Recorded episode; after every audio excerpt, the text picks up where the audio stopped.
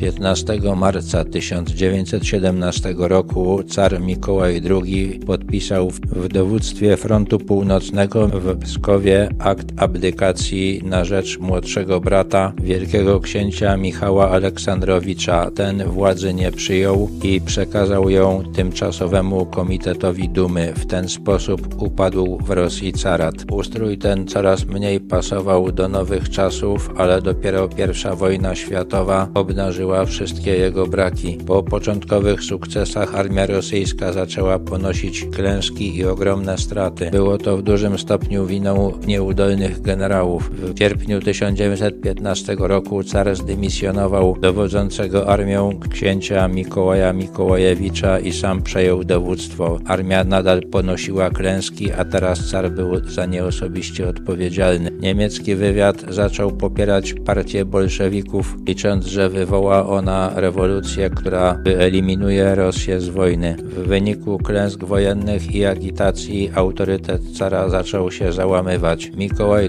II tracił kontakt z rzeczywistością i pod wpływem Grigorija Rasputina coraz częściej mianował na kluczowe stanowiska ludzi nieudolnych i skorumpowanych. Narastało rozprzężenie w wojsku i w aparacie administracyjnym. Pod koniec lutego 1917 roku jak sparaliżował transport i w Piotrogrodzie zaczęło brakować chleba i opału. Pogłoski o zbliżającym się głodzie doprowadziły do strajków i demonstracji ulicznych. 10 marca na ulicę wyszło 300 tysięcy ludzi. 11 przeciwko demonstrantom rzucono wojsko, które otworzyło do nich ogień. 12 marca żołnierze zaczęli przechodzić na stronę demonstrantów. Carowi pozostało jedynie opuścić stolicę, a ponieważ liczba wiernych oddziałów wojskowych malała z każdym dniem, uznał, że musi oddać władzę. Powstał rząd tymczasowy i podjęto próbę budowy w Rosji ustroju liberalnego. Skończyło się to przejęciem władzy przez bolszewików i jeszcze większą tyranię.